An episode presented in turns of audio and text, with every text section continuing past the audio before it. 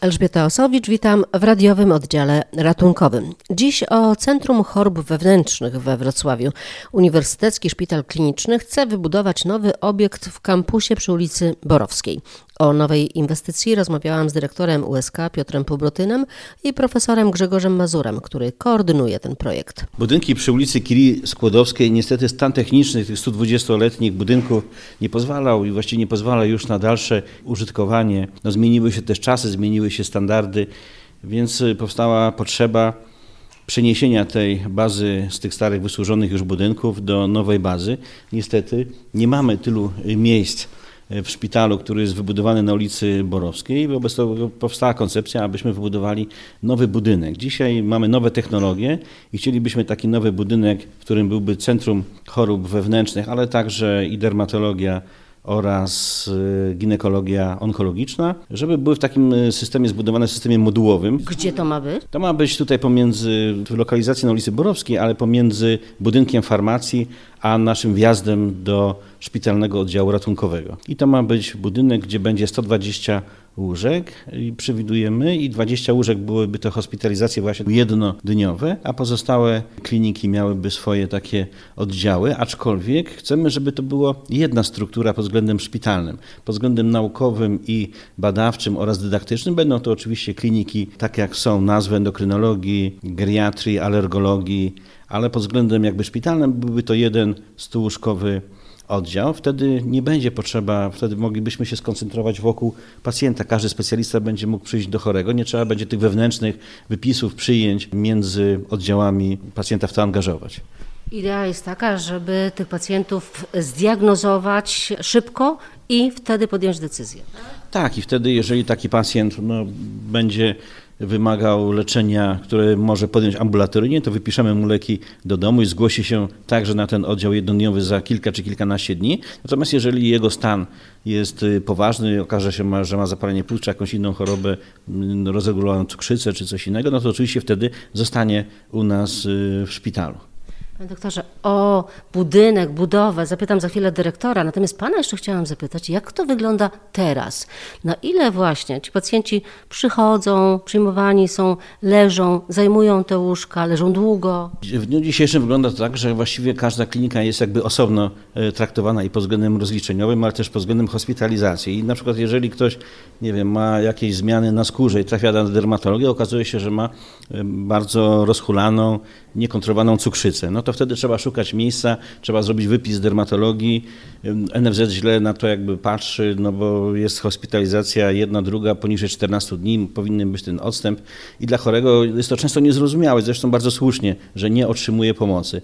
A teraz będzie to jakby skoordynowane, będziemy mogli od razu już podczas hospitalizacji w klinice poprosić specjalistę e, na przykład e, diabetologii, zacząć już to leczenie na tym macierzystym oddziale. No, przychodzić do chorego, a nie chory będzie się poruszał między klinikami. Tych łóżek internistycznych ciągle jest, y, słyszymy, mało. Czy to właśnie może rozwiązać ten problem braku miejsc? Na pewno tego problemu tak łatwo nie rozwiąże, dlatego że tych łóżek, tego braku jest bardzo dużo. Wydaje nam się, że powinno być dodatkowo, nie wiem, 400, 600, a niektórzy nawet uważają według norm 800 tych łóżek więcej w aglomeracji wrocławskiej, bo z kolei w województwie dolnośląskim bardzo często są te oddziały niewykorzystane, które mają obłożenie 30, 40 czy 50%. Ale niestety nie jest łatwo i właściwie jest to niewykonalne, żeby przesunąć te środki z jednego miejsca województwa do drugiego. No, ludzie czekają długo w kolejce, no, ten stan ich się pogarsza, więc być może część od razu będziemy mogli przy pomocy tej szybkiej diagnostyki, jeżeli kogoś tam przykładowo boli jama brzuszna, no to będziemy mogli szybko zrobić czy badania endoskopowe i czy też będzie być może chory wymagał operacji, no to wtedy go przekażemy do oddziału chirurgicznego. A tak, jeżeli się okaże, że to choroba urządowa, damy leki, wypiszemy do domu. Wydaje nam się, że wtedy być może tej, tych łóżek nie będzie aż tak dużo potrzebnych. Czy przy okazji COVID-u e, nie było tak, że głównie na covidowe były przekształcane właśnie te łóżka internistyczne? Pierwszą jakby linią było, że ci lekarze interniści musieli się zająć po prostu zakaźników i oddziałów zakaźnych było za mało, więc te choroby wewnętrzne zostały przekształcone w takie choroby internistyczno-zakaźne. Proszę też zobaczyć, że większość chorych dotyczy tych ciężkich stanie w starszym wieku i ci chorzy są chorzy na wielochorobowe, czy mają wiele innych schorzeń. Więc tutaj to połączenie tych chorób wewnętrznych z zakaźnymi no, dało taki efekt. Ale no, trzeba też powiedzieć, że przez to, że te oddziały zostały przekształcone, czy cały czas są przekształcane, no to tych łóżek internistycznych brakuje. No właśnie, teraz co z tymi pacjentami, bo niektórzy mieli być już przyjęci, mieli terminy, znowu są odkładani? Bo trzecia fala się rozkręca? To znaczy zależy, jeżeli są to choroby nowotworowe, czy choroby, które wymagają... Nie, mówię o internie. No jeżeli chodzi o internet, to, to rzeczywiście staramy się nie wstrzymywać i do tej pory przyjęcia planowe nie były wstrzymywane, wręcz przeciwnie, staraliśmy się tych chorych szybko jakby wyleczyć czy też zdiagnozować, ale trzeba cały czas pamiętać, że nierozwiązywanym czy trudnym problemem są tak zwane pobyty socjalne, czyli przyjmujemy chorego i nie mamy go gdzie wypisać. Rodzina już takiego chorego nie chce, albo chory jest bezdomny, albo gdzieś był znaleziony na ławce i nie mamy go gdzie wypisać. Tych zakładów opieki długoterminowej cały czas we Wrocławiu brakuje. No mamy w tej chwili trzech pacjentów, którzy od listopada u nas leżą, bo niestety te procedury prawne, żeby im załatwić jakąś zapomogę czy też y, jakiś y, ośrodek socjalny trwają. Tutaj jakby ten kanał też udrożnić tej opieki długoterminowej, paliatywnej, to też na pewno by nam pomogło. Ja słyszę o takich opowieściach, że rodzina nie chce odebrać bliskiego. To się zdarza? Niestety bardzo często Muszę powiedzieć, że ostatnio właściwie nawet nagminnie rodziny odmawiają odebrania starszej osoby ze szpitala.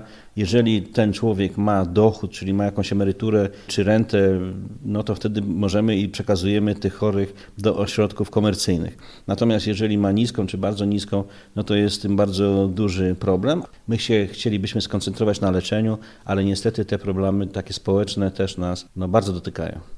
Myślę, że też często rodzina się po prostu boi, muszą rezygnować z pracy. My też kiedyś byliśmy dziećmi i nami też zajmowali się rodzice. To myślę, że mamy ten dług, który jesteśmy swoim rodzicom czy krewnym winni. I tak też codziennie takie rozmowy z rodzinami przeprowadzam. Przecież jeżeli jest trójka czy czwórka dzieci, czy jeszcze siostrzeńców, to przecież można się podzielić, można wziąć urlop. To nie są tak naprawdę bardzo długie stany. Bardzo często są to chorzy nowotworowo, kiedy my mniej więcej, oczywiście no nie w 100% i nie zawsze, ale widzimy, że będzie to okres 3, 4, 5, 6 tygodni maksymalnie. To nie można wygospodarować tygodnia dla każdej osoby, która się poświęci.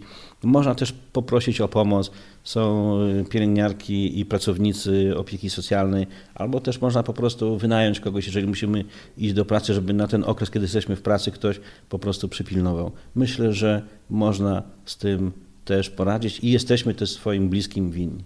Ile teraz macie miejsc? W tej chwili mamy, jesteśmy wypełnieni jakby po brzegi, są pacjenci i na neurologii i u nas na, w klinice angiologii, reumatologii, wszędzie są już na korytarzach. Także tych miejsc nie ma. Mamy w tej chwili otwieramy nasz oddział, który był przez chwilę zamknięty z powodu kilku chorych na COVID-19, ale dzisiaj już ostodyżurowo od godziny 15 będziemy, wznawiamy przyjęcia. Także tych miejsc generalnie nie ma. Ale przyjmujecie tylko pilnych, czy planowe też? W tej chwili będziemy przyjmować pilnych, bo jest taki napór pacjentów covidowych, że w tej chwili tych planowych musimy na razie wstrzymać. Przenosimy się do przyszłości. To kiedy ten ośrodek, ten budynek ma powstać? Kiedy on ma już być fizycznie, że tam się położą pacjenci? Mam nadzieję, że to będzie w ciągu roku. To znaczy sama budowa może trwać 3, y, może 6 y, miesięcy, ale oczywiście wszystkie uzgodnienia to trzeba z góry przewidzieć dokładnie, w którym miejscu, na której ścianie będzie kontakt, gdzie będzie umywalka, gdzie będzie lampa, gdyż to będzie budowane właśnie w ośrodku na zewnątrz i później jakby klocki Lego w takich właśnie e, modułach ten e, szpital będzie przywieziony i tutaj na miejscu złożony. Ale oczywiście podlega to także wszelkim ogłoszeniom przetargowym, więc to też myślę i te wszystkie pozwolenia na budowę też mogą zająć około pół roku, ale tutaj mam nadzieję, że pan dyrektor podpowie pod względem technicznym. No, zapraszamy pana dyrektora w takim razie. Do końca roku będzie ten nowy budynek? Nie uda się niestety, no bo tak naprawdę uda się do końca roku e, ogłosić przetarg i myślę, że zrobić e, główne elementy u wykonawcy. No 12 miesięcy to jest czas, który jest nam niezbędny, dzisiaj jest połowa marca, więc do końca pierwszego kwartału przyszłego roku to jest bardzo ambitny plan, żeby powstał e, no jednak duży e, budynek medyczny. System jednodniowy, system stacjonarny, łącznie 120 łóżek. W profilach chorób wewnętrznych, dermatologii, w tym, tym części łóżek zachowawczych oraz ginekologii, operacyjnej ginekologii onkologicznej. Jest to rozwiązanie przecież problemu infrastruktury w drugiej lokalizacji naszego szpitala, czyli złożony, trudny, wysokospecjalistyczny projekt. To jest bardzo szybki czas i ja mam nadzieję, że do tego końca kwartału przyszłego roku faktycznie uda nam się to zrealizować. Jak szacujecie koszty?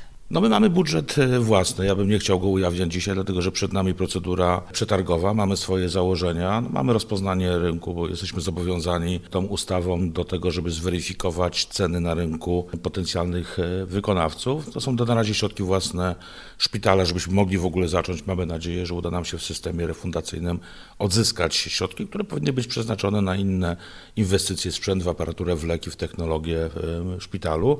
Natomiast rzecz dzisiaj priorytetowa i najważniejsza, bo alternatywą byłoby pozostanie przez szpital bez tego obszaru aktywności medycznej. Także ja się cieszę, że kończymy, jesteśmy po konsultacjach wewnętrznych, wiemy czego chcemy, mamy lidera, pana profesora Grzegorza Mazura, jako dyrektora całego Centrum Chorób e, Zachowawczych, który będzie e, spinał te wszystkie elementy istotne koordynacji procesu leczenia. Myślę, że szybko opiszemy specyfikację i będziemy najpóźniej na początku kwietnia w stanie ogłosić postępowanie przetargowe.